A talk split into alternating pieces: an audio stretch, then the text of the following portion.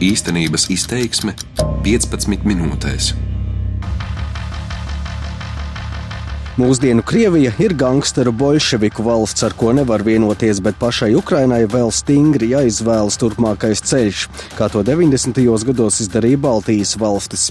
Tā uzskata Lietuvā dibinātās atbalsta organizācijas Ukrainai Blue Yellow vadītājs Jonas Ohmans. Dokumentālo filmu veidotājs pēc tautības Zviedrs jau ilgi dzīvo Lietuvā, bet pēdējos gados aktīvi atbalstījis Ukraiņus.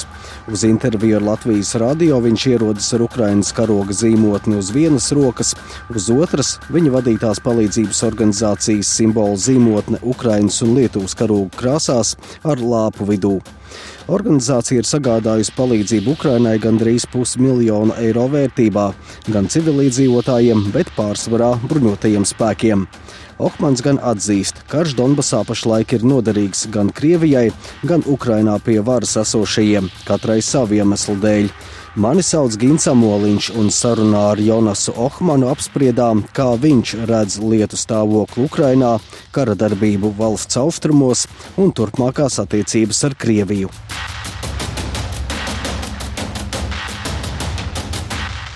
Jūs esat Zviedrs. Īsts Zviedrs, jā. Izviedrs, bet jau daudzus gadus dzīvojat Lietuvā pārsvarā. Jā. Tomēr protat arī latviešu valodu. Nu, mazliet, es nevaru pateikt, es runāju la, labi latviešu. Nu, es gribētu labāk. Nu, nu, dzīvoju Latvijā, man liekas, nu, desmit gadu atpakaļ. Strādāju mazliet. Protams, vai zini, teiksim, lietuviski, latviešu, latviešu valoda ne tā sarežģīta. Lietuviski viss brīvi, runāju vispār brīvi. Kas jūs atveda uz Baltijas valstīm? Es biju 89. gadā kā students. Biju Polijā un, un Čekoslovākijā un tā tālāk. Un Tā es satikos ar lietuviešiem Polijā. Es piebraucu uz Lietuvu 90. gadā, man liekas, aprīļā. Tas bija ļoti, nu, superinteresants. Ar cilvēkiem tam sarunāt, par ko, protams, Zviedrijā arī mēs zinājām par to, no par padomju savienību un tā tālāk. Tā tālāk. Tad lūdzu, cilvēki šeit, Baltijas valstī, kuri gribēja neatkarību, un, un kā es biju, es tāds, tāds romantiks, no, no revolucionārs, man var pateikt. -hmm. Un, un tas bija ļoti, ļoti iespaidīgi. Iespaidīgi. Jā, ļoti iespaidīgi. Tagad es dzīvoju Lietuvā, man liekas, no desmit gada, vairāk, mm varbūt vairāk. Un tas man ir tas brīvības projekts, var pateikt. Neatkarības projekts, piedalīties, strādāt. Es esmu kā, kā žurnālists, es esmu no no kinošniks. Es strādāju ar kultūru, no, no man tad ja, brīvības jau, jautājums, no neatkarības jautājums, man, man tā lieta ļoti personīga. Ļoti personīga. Un šobrīd runa par situāciju Ukrajinā. Šobrīd ļoti aktīvi piedalījos Ukrajinā mhm. kopā ar, ar, ar draugiem, ar cilvēkiem Lietuvā. Palīdzam Ukrajinu nu, ļoti daudz. We can turn to English yes. here. Okay. Mm -hmm. Uh, so say, uh, Šeit mēs varētu pāriet uz angļu valodu. Daži saka, ka esat pazīstamākais lietuvietis Ukrainā, jo daudz atbalstāt Ukrainu. Lietuvā esat dibinājis palīdzības organizāciju Blue Yellow Zils Dzeltens, kas kopš 2014. gada atbalsta Ukraiņu civiliedzīvotājus un arī karavīrus. Esat pat piegādājuši aprīkojumu tā dēvētajiem kiborgiem, Ukraiņu karavīriem, kas cīnījās Doņetskas lidostā. Kādēļ izlēmāt iesaistīties Ukrainā? Well, first of all, what happened in, at Maidan, at the Maidan events, uh, anybody living in the Baltics, of course, uh, understood. Pirmkārt, es domāju, Maidana notikumus Baltijas valstīs izprata citādi nekā citur Eiropā. Īpaši Lietuvā, ņemot vērā traumatiskos notikumus 1991. gada janvārī. Maidans bija daudzos veidos unikāls. Tas noteikti pievērsa manu uzmanību. Kad sākās notikumi Krimā, tas bija nepatīkams šoks, bet es par to nebiju ļoti pārsteigts. Zviedrijas armijā es dienēju strateģiskās izlūkošanas vienībā. Kara gadījumā bija sagatavots desantam ar izpletni Padomju Savienībā. Es pārzinu šīs lietas. Kad redzēju šos zaļos cilvēciņus Krimā, es sapratu, kas viņi ir. Es sapratu, ka nāk Putins, un sapratu, ka šeit tas nebeigsies, ka tas izvērtīsies par kaut ko vēl daudz nopietnāku. Kad sākās sadursmes Donbasā, uzreiz sapratu, ka kaut kas ir jādara. Tas neskar tikai Ukrainu, tas skar visu Eiropu, tas skar Baltijas valstis, kur es dzīvoju. Ar dažiem draugiem sākām domāt, ko mēs varētu darīt. Tas ir garš stāsts ar dažiem ļoti dramatiskiem brīžiem. Bet īsumā 2014. gada vasarā mēs sākām piegādāt aprīkojumu Ukrainas bruņotajiem spēkiem un darām to joprojām. Vai jūs koncentrējaties uz palīdzību civiliedzīvotājiem vai? No, it's, it's, uh, it's the armed forces. I would say we support the armed forces. Nē, tie ir bruņotie spēki. 70-80% mūsu darba koncentrējas uz bruņotajiem spēkiem, bet mēs strādājam arī ar civiliedzīvotājiem, un šī mūsu darba daļa laika gaitā izaugus lielāka. Jo ir arī politiskais un psiholoģiskais aspekts. Protams, mēs nevaram darīt visu un palīdzēt visiem, bet darot nopietnas lietas, tu cilvēkiem liec saprast, ka mēs šeit neesam tikai savu prieka pēc, ka mēs saprotam jūsu situāciju un būsim kopā ar jums līdz galam. Šodien cilvēki Ukrainā ir nomākti. Daudz iemeslu dēļ, iekšējās situācijas dēļ, kara dēļ, viņi jūtas aizmirsti un es diezgan bieži dzirdu, jūs esat mūsu vienīgie draugi. Tagad es to dzirdu biežāk nekā pirms gada. Tas liek padomāt. Mēs esam spējuši lietas izdarīt ātri. Dažkārt esam paveikuši iespaidīgas būs lietas, tostarp sagādājot visu, kas nepieciešams, arī nu. ieročus. Anything up to, up to arms, anything. Uh, so I wanted to ask what kind of support. Kādus ieročus? rifle scopes, night vision, radios. Optiskos tēmekļus, nakts redzamības ierīces, rācijas, dronus, jebko, bruņu cepures, bruņu vestes un tā tālāk.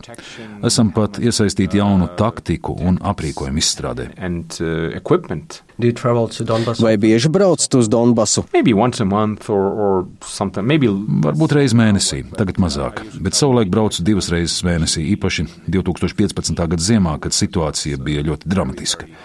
Mums Ukrainā ir arī izveidots ļoti labs sadarbības tīkls, un dažreiz pašiem nemaz nav jābrauc. Kāds paņem sūtījumu un nogādā, kam vajag. funding? No kurienes finansējums? Uh, we have the supporters, we have uh, people. Mums ziedo dažādi cilvēki. Daži varbūt 20 eiro mēnesī. Tikai pirms pāris dienām kāds Lietuvā man iedeva 500 eiro vienkārši uz ielas. Lietuvā esmu diezgan pazīstams. Mums ir sponsori no ārzemēm. Rīkojam arī ziedojumu vākšanas pasākumus, piemēram, koncertus Nacionālajā televīzijā, kur savācam diezgan daudz naudas. Drīzumā būsim sagādājuši Ukrainai dažādu aprīkojumu un citu palīdzību jau 500 tūkstošu eiro vērtībā.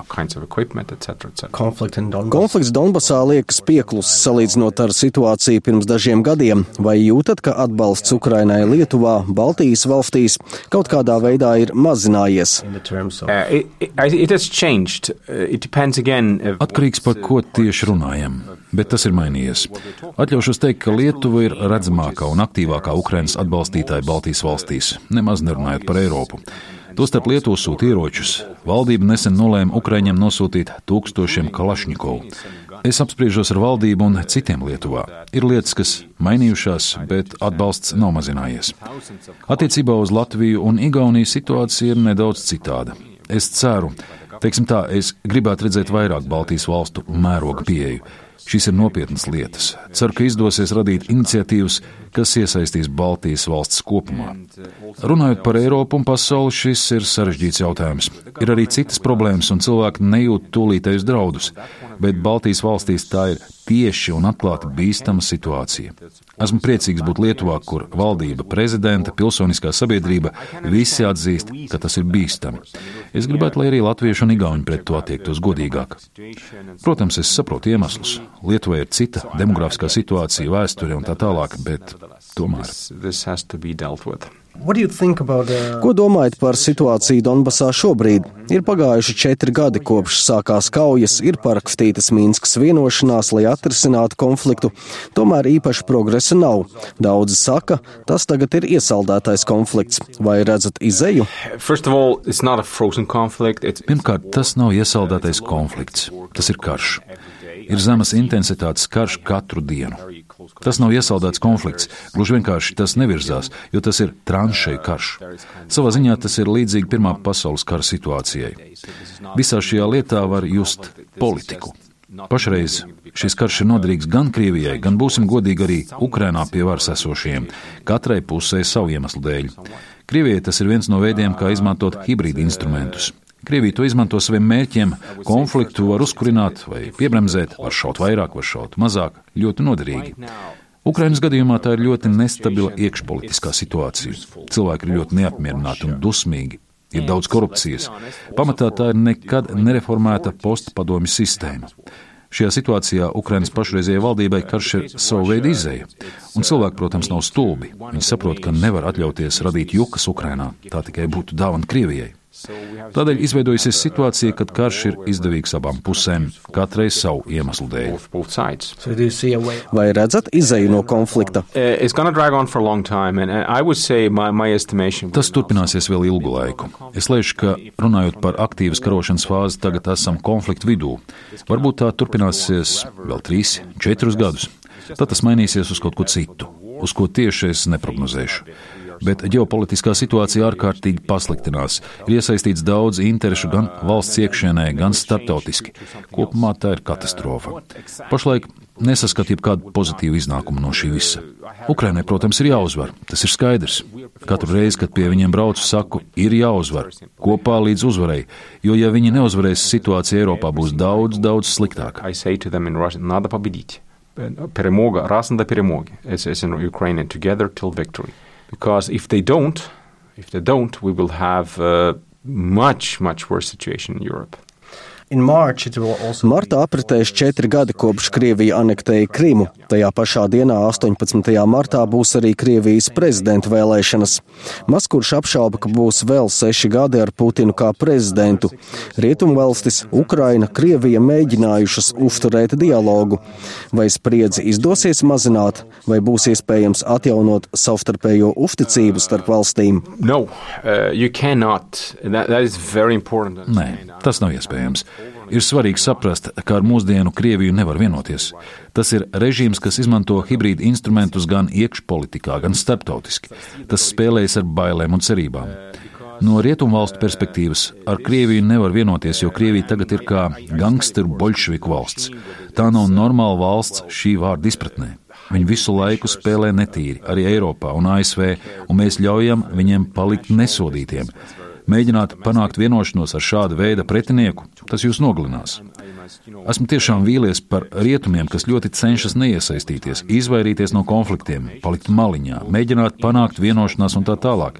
Mīnskas vienošanās, tas ir blēņas. Tas neko neapturēs. Krievija to izmantos dažādos veidos, lai manipulētu. Rietumi ir pārāk diplomātiski. Sankcijas ir labi, bet ar Krieviju ir jārunā daudz stingrākā balsī. Mums šeit ir darīšana ar huligānu. Mums ir jāatrod veids, kā pateikt Krievijai, lai tā atšuīs. You, we're dealing with a bully. You're not going to, we, we got to find means to tell Russia to f- off. What about Ukraine itself? Kā ar pašu Ukrainu? Pēc gada Ukrainā būs vēlēšanas, cilvēki ir neapmierināti, politiķiem neuzticas. Kieva ieņēmusi rietumu kursu uz Eiropas Savienību, NATO, bet tur nav lielas gribas uzņemt Ukrainu. Kā redzat valsts nākotni? Ukrainian The, future. the problem, uh, compared to gonna the Baltic states, let's compare it to the Baltic states. Salīdzināsim ar Baltijas valstīm. 90. gadu sākumā Baltijas valstis izvēlējās citu ceļu. Tas izvēlējās Eiropu, NATO un tā tālāk, un šajā procesā dažām lietām arī pateica nē. Problēma Ukrainā īpaši varas gaiteņos ir, ka viņi grib abas lietas. Viņi grib gan Eiropas labumus, gan drošības garantijas no ASV. Bet būsim godīgi, viņi grib saspēlēties arī ar krieviem. Īpaši tas jūtams, kur iesaistītas finanšu intereses, oligarhi. Ikvienam oligarham ir gali gan Kijevā, gan Maskavā. Tas ir jautājums par naudu, bet arī par ietekmi un kontroli, par spēlēšanu abās pusēs. Tā nevar darīt, bet šie cilvēki to dara tik un tā. So, what it means for Ukraine? Ko tas nozīmē Ukrainai ģeopolitiski? Uh. Ukrainai ir jāizdara izvēle, ko izdarīja Baltijas valstis 90. gados. Ir jāizvēlas viens ceļš. Ukraina četrus gadus pēc postoša kara un visām pazīmēm par Krievijas iejaukšanos joprojām nespēja norauties no āķa. Ukrainas likumdošana nemainās. Reformas ir imitācija. Ir daži labi piemēri, bet kopumā reformas ir imitācija un nerada patiesas pārmaiņas. Valstī, kā Ukraina ar ļoti dziļām saknēm un saitēm postpadomju sistēmā, ir nepieciešamas radikālas izmaiņas. Turklāt ir finansiālās intereses, kas varbūt politiski nav redzamas, bet tās pastāv, un tās bremzē Ukrainu. This kind of uh, it's stalling Ukraine basically. So it's going to be tough and tough choices. Ukrainai priekšā ir smagas izvēles. Years. it- it- needless to say, and, and, and it's going to be tough choices for everybody. You can't have it all. Bez šaubām, un tās būs smagas izvēles visiem. Visu nevar dabūt. Baltijā 90. gados es redzēju, kā valsts izvēlas brīvību un savu ceļu, un šo ceļu arī iet. Protams, tas bija sarežģīti gan Lietuvā, gan Latvijā, gan Igaunijā, bet jūs izdarījāt šīs izvēles un tām arī sekojāt.